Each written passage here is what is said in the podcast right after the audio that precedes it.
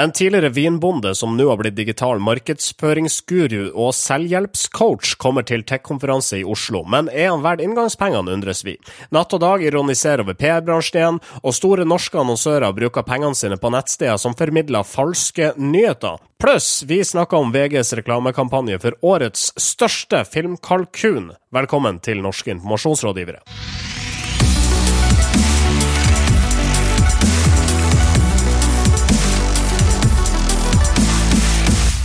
Jeg heter Marius Staulen. Med meg som vanlig Marius Torkelsen, hallais. Hei, hei. Sindre Holme, hallais. Hallais. Det er nesten et år siden sist vi satt og prata på dette viset. Ja, det stemmer det. Det er uh, litt under et år siden. Vi hadde en julesending.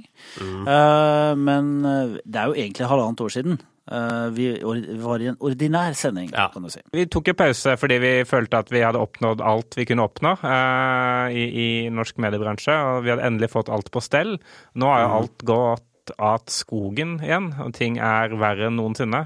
Og jeg føler vi trengs i større grad enn noensinne. Så, så, derfor er vi tilbake igjen, da. For, for, for, fullt. Hva er det som er verre enn noensinne? Nei, altså, jeg, jeg føler det, det er altså, På samme måte som det var når vi begynte første gang med denne podkasten, så er det begrepsforvirring og reklamefolk som mener uten at noen eh, kan sjekke om det de sier er sant. Og så har det blitt et mye kaldere, kaldere samfunn. Det er veldig viktig å verne om de norske verdier. Men i Oslo så er dere i nytt studio? Det er vi. Moderne media. Nå sitter vi i hjertet av Oslo, uh, i et skikkelig proft studio. Så uh, det føles jo det føles som vi er mye bedre enn vi var. ja, jeg føler det er sånn ny innpakning, men, uh, men fortsatt middelst innhold. Ja. Det, det, ja. men, Same shit, på en måte. Nå, nå, nå, sitter vi i et rom med røde plysjgardiner. Jeg tror det er plysj, jeg er ikke så god, god på stoff.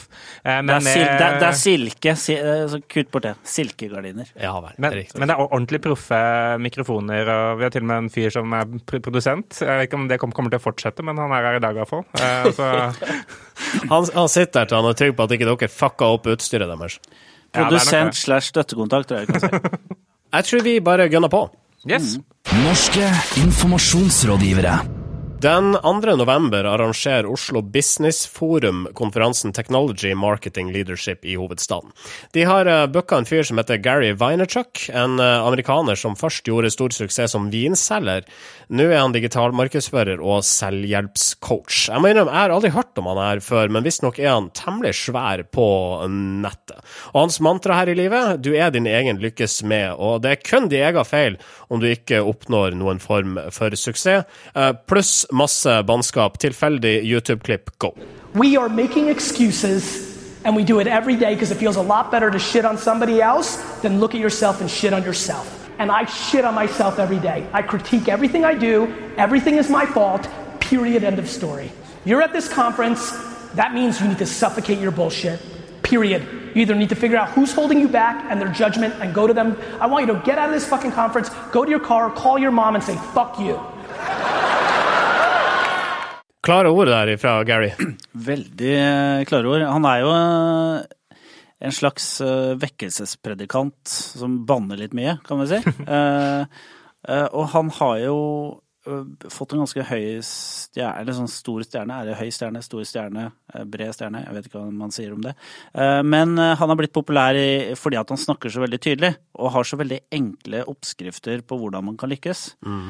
Uh, og han uh, kommer til Oslo, og da, det her har det vel vært uh, eh, jobba med et år nå for å prøve å få han hit. Da, for han er liksom den perfekte blandingen av sånn uh, life coach og sosiale medier-ekspert. Ja, han er jo veldig på, på liksom det å Han har jo hatt suksess selv, ikke sant? Så, så, han har jo da også naturlig nok autoritet på suksess, tenker jo folk. Ikke sant? Fordi, fordi han har lykkes, så trenger han bare fortelle hvordan han lyktes, og så, og så kjøper folk det mer eller mindre mindre rått. Eh, men han har jo etter hvert fått en del sånn kritikk også fra Kall det ulike folk som også er ganske gode på, på det her med liksom, hvordan, hvordan, man lykkes og entreprenørskap og sånn. Og spesielt nå som det er en slags sånn entreprenørskaps- og gründerbonanza, eh, både i Norge, men også spesielt i, i USA. Da. Så det er så mange som peker på at den liksom, blandingen av uh, the secret, eller hva, hva, det er for noe, hvor det bare er å tenke på noe, uh, og så klare å oppnå det, mm. og uh, veldig tydelige ord med mye, mye banning, ikke nødvendigvis er sånn alle lykkes. Da. Men uh, bare før, altså, før, vi går inn på uh, kritikk mot selvhjelp her, hva, altså, hva er han egentlig driver med? Nei, Han driver et digitalbyrå som visstnok er det, eh, det som vokser raskest i, i, USA, i bransjen. Så han driver jo med markedsføring nå. Men, uh, og han, han, brander seg jo som en litt sånn Askeladden, om folk som liksom begynte med to tomme hender. Men han begynte med to ikke fullt så tomme hender, da, for det var tre millioner dollar i de hendene. Eh, og så som Alexis Morgan, da, som er en av de som har uh, kritisert han, sier at uh, la, meg, liksom, la, det være helt klart, det er den første dollarmillionen som er den vanskeligste millionen å tjene, og den hadde du allerede. Du hadde ja. faktisk tre av de. sånn at han, det er jo sånn med disse selvhjelps-, life coach-ekspertene at de gjerne vil lage en oppskrift basert på sin egen historie. Og da reviderer jo eh, ofte de den historien, ikke sant? sånn at den historien passer inn i et sånn heltebilde eller en Askeladden-historie. Ja, og Josh eh, Burnoff påpekte dette i uh, bloggen Bullshit. Uh, påpeker at folk som opplever suksess, kan fortelle historier akkurat sånn som de vil. Altså, De velger å ta med de bitene og ekskludere disse bitene. Og det er klart, Når du først har lyktes, så er det jo lett å fortelle historier om hvordan du gjorde det. og Dermed så kan du også tjene penger på å holde presentasjoner for folk som også vil lykkes. Men uh, dette poengterer Burnoff er etterpåklokskap. De aller fleste som prøver på noe, de mislykkes faktisk. Det blir som at jeg skulle ha vunnet ti millioner i Lotto, for så å holde foredrag om hvordan vinne i Lotto, mm. uten å hensynta det faktum at de aller fleste som spiller Lotto, ikke vinner ti millioner i Lotto. Ja, altså, noe, av Poenget er at uh, altså, de, de, foredragene For å lykkes i et sånt foredragsmarked, så må det, jo være, det må være enkelt nok og liksom, fengende nok til at folk eh, gidder å booke deg, og at folk gidder, å høre på. Mm. Så hvis ikke den, måte, den, eh, den, historien du forteller er såpass liksom, tabloid at alle tenker at mm, dette kan jeg også få til, så, så kan du ikke måte, selge det som et foredragsprodukt. og Det måtte innebære at man er nødt til å legge seg på ganske mye sånn eh, floskler og, og ting som er mer eller mindre bullshit på liksom, hvordan man lykkes. Man trenger liksom fem enkle steg med noen inspirerende bilder og noen animerte liksom, sånne powerpoints-ting som hopper inn fra sida, og så en del, en del, del banning. da. Så liksom, nettopp det å gjøre det fengende er også måte, det å dumme det såpass ned at, at, det ikke lenger har noe substans. da, Det er liksom noe av den kritikken som, som jeg føler er berettiget. Men budskapet er jo ganske enkelt her. altså, Han sier jo bare at hvis du vil et eller annet, så må du gjøre det. Unnskyld fuckings gjør det. ja, det, det, er noe med det. Altså, han er veldig opptatt av det liksom decisiveness. Altså, man skal bare være besluttsom. Bare si opp den jobben da. Hvis du kjeder deg så forbanna mye på jobb, så si opp jobben og gjør noe sjæl. Mm. Men problemet er at de som sier opp jobben, de som kjeder seg på jobben, og ikke har en veldig tydelig plan for hva de skal gjøre isteden, de kommer også til å ha det miserabelt uh, uten denne jobben. Sånn at, uh, men, det er jo sånn Ray Burnoff da, som sier at uh, det fins jo måter og liksom, det, det, går an å si opp jobben sin og, og, og, lykkes. Men da trenger du kanskje en mentor, en som er litt lik deg selv. Og de aller fleste er jo ikke lik Gary Wennerchuk, så er spørsmålet om han er den beste mentoren du kan ha. Men uh, Oslo Business Forum og deres konferanse ja, de har solgt ut. Ja, de, de har solgt ut. Og som et sånn, sånn eh, nesten kuriøst apropos, så, så, så selger de nå eh, tilgang til å streame dette eventet live. Altså Du kan sånn, sitte og se på det hjemme på PC-en. Eh, og den tilgangen den selger de for 1500 kroner. Det er jo helt, det, det, er, det, er det sykeste jeg har hørt. Altså, sånn, jeg skjønner jo måte, at sånn, de tar jo mye betalt for at folk skal møte opp uh, fysisk. Men, men, og derfor må det være et sånt, har de tenkt ja, men da kan prisen være halvparten av det, eller hva faen det er. Men, mm. men at noe de tenker at det fins folk der ute som skal betale 1500 kroner for å se på Gary Vaynerchuk og Anita Krohn Traaseth og, og Thomas Moen, eh, det, det tror jeg er høl i alle Det er, det, er, det er liksom på samme det, er- det er litt på samme nivå som fjernhealing. Det føles liksom det, er- det, det virker like bra, for det liksom, han snakker gjennom datamaskinen til meg. Men Oslo Business Forum har kanskje hørt på Gary her. Altså, de bare 'Vi vil tjene masse penger på streaming'. Han bare 'Fuckings gjør det, da!' 1500 kroner kan du ta per stream. 12 000 Gjør det. for fucking 100 000 da vel! Gjør det bare! Ja. Kjempelurt! 9995 kroner for gullpass. Uh, da får du også meet and greet her, men det er altså uh, utsolgt. Vi uh, ønsker Gary lykke til, vi. Ja, og ikke minst alle de som skal følge rådene hans. Kanskje de som trenger lykke til. De, de ønsker i hvert fall lykke til ja. NIR. Gratisavisa Natt og Dag har laga en ny quiz. Kunne du vært en kommunikasjonsrådgiver, spør den alltid ironiske Blekka. Og skal vi tru spørsmål- og svaralternativer her, så er ikke vi PR-folk noe annet enn selvopptatte floskelmaskiner med dårlig musikksmak. Som om ikke vi vet det fra før. Altså, det, det er litt sånn litt skuffende med Natt og Dag nå, syns jeg. Altså, den her, den her raljeringa over kommunikasjonsrådgiverne og PR-folk, da, den har de jo holdt på med ganske mange år. Så jeg tenker liksom, er det ikke nå på tide å liksom ta tak i gründerne eller noe andre? Liksom? Altså, Det, det kom, kom jo veldig ut av eh, Jeg tror det er en måte, initiert et, etter at eh, DNB for noen uker siden lanserte en ny kommunikasjonsplattform. Eh, hvor de snakka mye om at nå har, har de funnet et nytt purpose, og da dukka det en måte, purpose-ordet opp igjen. Og, og, eh, det er jo, altså Når man begynner, begynner å snakke om at man som bank som har eksistert i 100 år, eller hva det er for noe, endelig har fått et purpose, så det er jo lett å arrestere dem på det. Og bare ordet purpose i seg selv burde jo ikke brukes i, i Norge. Eh, og da, da får jo Natt og Dag eh, vann på mølla. Og de tenkte sånn fy faen, disse kommunikasjonsrådgiverne, ass. Bare overbetalte. Noen må arrestere dem, noen må ta dem. Eh, Og da har Ludvig Furu i Natt og Dag da gått til verks med verket.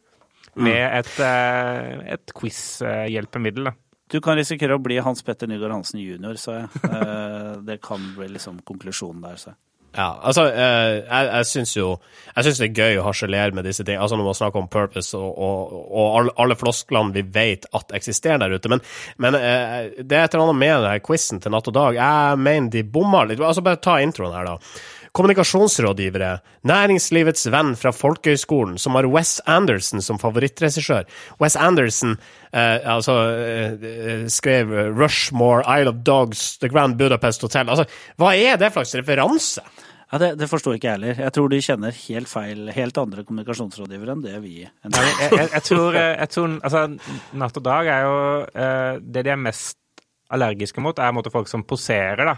Og, og Wes Anderson er en sånn er en eh, måte å like rare Ja, filmer på. ja, ja, Eh, men det er fortsatt på en måte, kommersielle filmer. som kanskje sånn, Ja, jeg liker liksom uh, Space filmer òg. Jeg liker Wes Anderson, liksom. Uh, så, men da er de der med en gang og sier nei, nei, du må like franske noir-filmer av mye mer ukjente regissører for å få kred. Det er ikke nok å like Wes Anderson til å få, for å få Men det er jo, ja, men det er jo noe Ja. Jeg, jeg, jeg vil jo komme med for de som har lyst til å se en hars, god harselas på PR-rådgivere, så må dere se The Square. Som, er en, som vant Gullpalmen i år, apropos Wes Anderson og den smaken som Ja, men det kommunikasjonsrådgiver sier sikkert Men den er fantastisk. Der er en scene hvor de skal, hvor de skal lage PR rundt et kunstverk.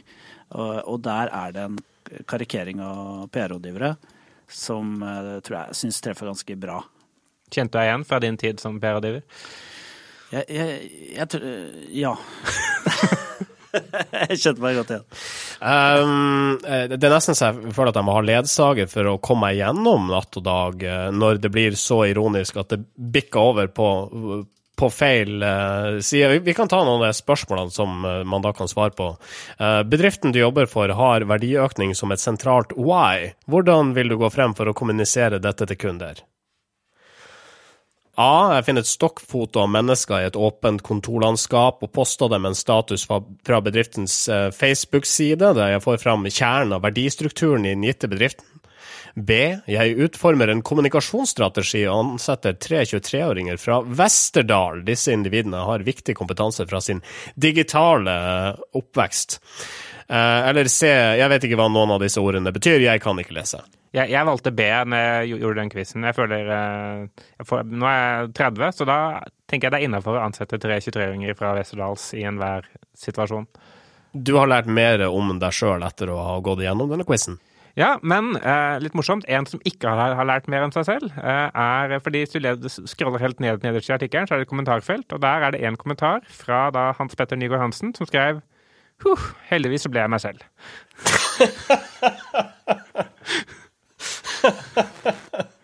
Så, så kanskje den har, har noe for seg likevel, eh, den, den quizen.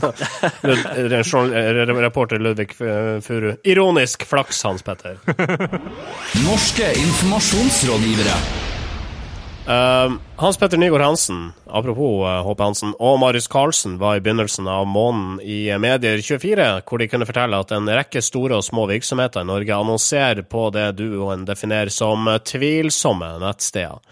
De har oppretta sida svartelisten.nett med formål å øke oppmerksomheten rundt problematikken knytta til annonsering på eh, tvilsomme nettsteder. De trekker spesifikt frem høyreblekka Breitbart. Og her snakker vi Google-annonsering. Ja, eh, både Google og noe, noe som heter Facebook eh, Audience Network, hvor du kan, når du skal sette opp en Facebook-annonse, kan, kan du velge Facebook, eh, Instagram, men også noe som heter Facebook og Audience Network. Eh, og hvis du velger det sistnevnte, så er da Breitbart og eh, Jewhater.com osv. Eh, de er eh, av en eller annen grunn assosierte partnere med, med Facebook. da. Så derfor for annonsører som ikke kanskje er så, så sterke på hva de driver med på internett, eh, så, så er det da en fare for å dukke opp på bl.a.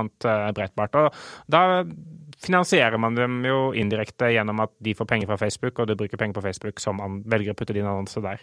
Altså, jeg syns ikke nødvendigvis jeg, Det er noe stort eh, problem, jeg. For jeg syns eh, faktisk eh, Nei, vet du hva. Nå, nå kommer jeg til å bli kjølhalt når jeg sier det. Nei, jeg var egentlig litt sånn interessert, for jeg gikk inn på Breitbart, for jeg, jeg har hørt så mye om det. Så gikk jeg inn for å lese litt, så tenkte jeg ok, her er det helt sånn tydelige vinklinger eh, på saker, men samtidig så var det liksom ikke så gæren journalistikk, da.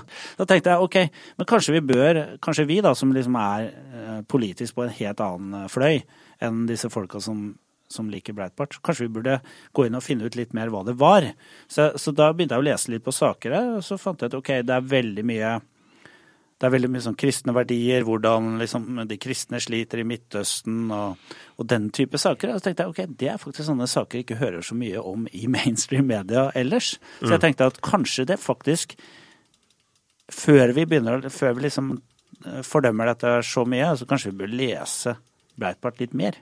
Altså, eh, da Andrew Breitbart, som han het, uh, starta opp denne sida, så eh, var nettstedet ment å, være en, eh, altså en ren konservativ motvekt til altså det man refererer til der borte som mainstream media. Uh, nå har de nok uh, tatt noen, uh, en god del skritt eh, lenger til høyre med Steve Bannon i, eh, i, i sjefsstolen der borte, men, men det at de har en konservativ slagside i seg sjøl, er vel antagelig ikke noe problem. Nei, ikke nødvendigvis. Jeg vet ikke om den, diskusjonen nødvendigvis er om, om Breitbart som stedet ligger, nettstedet ligger. Men, men eh, de har jo, det har jo blitt bevist ved flere, flere anledninger at de også har hva skal si, journalistisk arbeid som, som grenser til At den, den slagsiden de har, nødvendigvis også gjør dem, dem litt, gjør dem litt immune mot fakta som de ikke er enige med. Kan jo, man kan jo argumentere for at det gjelder andre medier også, men, men eh, de har stått ganske, ganske sentralt i denne fake news-debatten. da. Ja. og og eh, blir jo har jo fått noe mye av skylden eller æren, ettersom, etter hvor du har eh, politiske verdier, for at, for Trump eh, og den bevegelsen har kunnet vokse fram på den måten den har gjort. Ja. Eh, og, og jeg tror ho hovedpoenget er liksom at for da disse annonsørene, som da ikke nødvendigvis ønsker å assosieres inn der eller å eh, bidra til at nettstedet eksisterer, så er det jo problematisk at man har annonser der, fordi, fordi eh, den, det nettstedet uansett har en del assosiasjoner i eh, den målgruppa som disse annonsørene ønsker å nå, som ikke nødvendigvis er positive. Men jeg får en følelse av at dette her er en sånn derre Altså, hvis et tre faller i skogen og ingen er der, lager det lyd da? Fordi eh, altså, alt dette avslører er egentlig det at folk som interesserer seg for Schibsted, My Newsdesk og SAS, også leser Breitbart. Ja, eller kanskje det, det jeg har lurt litt på, er om, om eh, alle annonsene som er vist, kun er vist til norske journalister og folk som prøver å se om det finnes annonser på, på Breitbart. Mm. Og som da bidrar til uh, finansieringen. av Ja, for det, Breitbart, det kan man jo si tilbake, Ja. hvis ikke da Så la være å gå inn der og funnet ut det. Ja. Hvis ikke Gard Michaelsen hadde gått inn på Breitbart, så hadde heller ikke disse annonsene blitt vist, og da hadde heller ikke eh, da de tjent penger. Så da kan jeg si at eh, Medie24 finansierer Breitbart. Ja, det, det, er en, det er en overskrift eh, fra den podkastsendinga her eh, som vi må ut med. Jeg bare sånn eh, På siden så jeg har hørt på en podkast som heter On Being, hvor de intervjuet en atferdspsykolog som snakka litt om ekkokamera. For jeg syns dette er litt sånn interessant i, sånn, i den, i den eh, sammenhengen da, med Breitbart. Eh, og der har du gjort forskning på konservative og liberals, altså vi er vel eh, godt innafor liberals der. Og han hadde funnet ut at de konservative var flinkere til å sette seg inn i de liberale ståsted enn omvendt. Ja. Eh, Så han mente at eh, de liberale eh, har en vei å gå med å prøve å liksom forstå det konservative i større grad.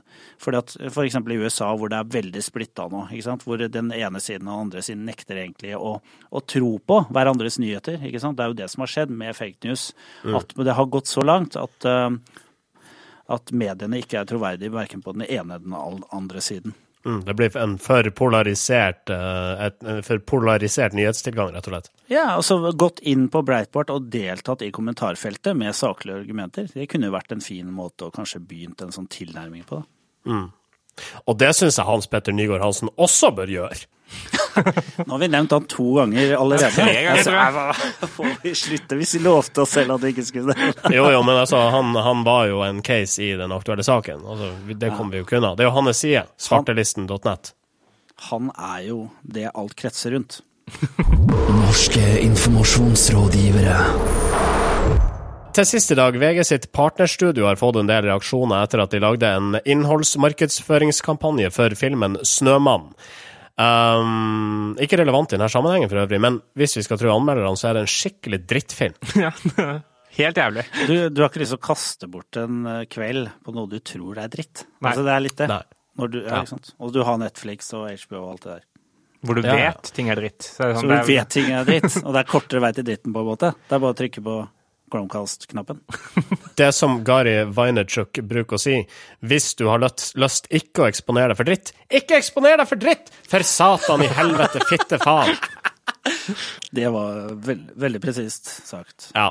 Eh, uansett, VG produserte en hel landingsside for denne filmen, Uh, og denne sida etterligna da den vanlige VG-fronten. Og så inneholdt sida saker som viser hvordan VG ville dekka hendelsene i filmen hvis de virkelig skjedde, og her er både tekst, bilder og video, hør her. Tidligere denne uka fant politiet liket til Sylvia Ottersen. Et drap som var svært brutalt, hvor hodet var kappa av kroppen og satt på toppen av en snømann. Rolf Isaksen, du er krimekspert. Hva mer vet vi om dette drapet? Det vi vet, er at dette er kanskje et av de mest brutale drapene vi har sett i Norge i nyere tid. Vi snakker om en drapsmann som da har kappet hodet av en kvinne. Han har flytta hodet fysisk fra kroppen til, en, til et annet sted. Plasserte omhyggelig på toppen av en snømann, en snømann han trolig selv har bygget. Og Det vitner om at vi, altså politiet står overfor en særdeles utfordrende etterforskning. Unnskyld meg, men ville VG skrevet så eh, Eller ville, ville media i det hele tatt gjengitt en så detaljert og grotesk beskrivelse av drap? Nei. Altså, det er ikke sånn med- mediene pleier å pakke inn den type nyheter ganske bra. Før i tiden så gjorde man ille ikke det. tilrett. Ja, ikke sant. At det, det var eh, Ja. Det, det som var gøy på, på den VG-fronten, det står jo annonsørinnhold overalt. Og, så, og VG-logoen den har blitt sånn at det er blod som renner fra VG-logoen og sånn. Så det er virkelig prøvd liksom, å dramatisere det mest mulig som Det- om det er eh, reklame, da. Altså, det, men det er jo veldig redaksjonelt fortsatt, da. Det er jo litt uh, Ja, det er jo, det er jo litt morsomt det her. Det er jo han som er liksom sjefen for VGs partnerstudio, Svein Arne Håvik, han satt jo på desken i VG før. Så han klør jo sikkert i fingrene etter å kunne lage en sånn sak nå. Det er jo sikkert utrolig deilig å endelig kunne liksom lage en sak om noe annet enn en, ja, en Rema 1000-saker om familieliv. Det var sikkert litt deilig å skrive om et blodig drap på hodet som ble kappa av en kvinnes hode. Uh, men, men det er ikke alle som er like begeistra her. Klubblederen borti VG-huset, Tor Erling Tømt Ruud, han sier til Medie24 at uh, de vurderer å trekke dette inn for PFU. Ja, det er, det er jo et slags sånn uh, utspill som den klubben må komme med. da, altså sånn De, de er nødt til å liksom vise at eh, dette aksepterer de ikke, samtidig som det sikkert er ganske godt forankra før de i det hele tatt gjør det. Dette- Eh, Så jeg regner med at de har vært veldig klare over hva som kommer, kommer til å skje, men de har sagt at vi kommer til å protestere. da. Det er jo litt interessant den taktikken de bruker der, for det, det bidrar jo til å styrke eh, på en måte journalistikken til VG ved at de går ut så sterkt og sier det. Det er litt sånn som når, eh, når eh, SV satt i regjering, så sto liksom partiet på plenen foran Stortinget og demonstrerte mot sitt eget partis politikk Mm. i regjering, eh, for å vise at dette er egentlig ikke SV-politikk, men det er noe vi må gjøre, liksom. Og det er litt det samme her. Dette er noe VG må gjøre for å få penger, Mm. Eh, men dette er ikke bra for journalistikken. Så uh, i, i VG-huset, så altså den kommersielle avdelinga, de tenker at vi er nødt til å gjøre dette her for å få penger. Så sier klubblederen at vi journalister vi er nødt til å, å protestere mot dette for å beholde troverdigheten. Og så kommer han Gard i Medie24, han bare vi i Medie24 vi må skrive om det her, sånn at vi også har et eller annet å fortelle. Og så kommer de norske informasjonsrådgivere og harselerer over Gard Micaelsen. Det er perfekt kretsløp. Ja, men for å være helt ærlig, altså det, det, det står sponsa innhold basically overalt på den sida.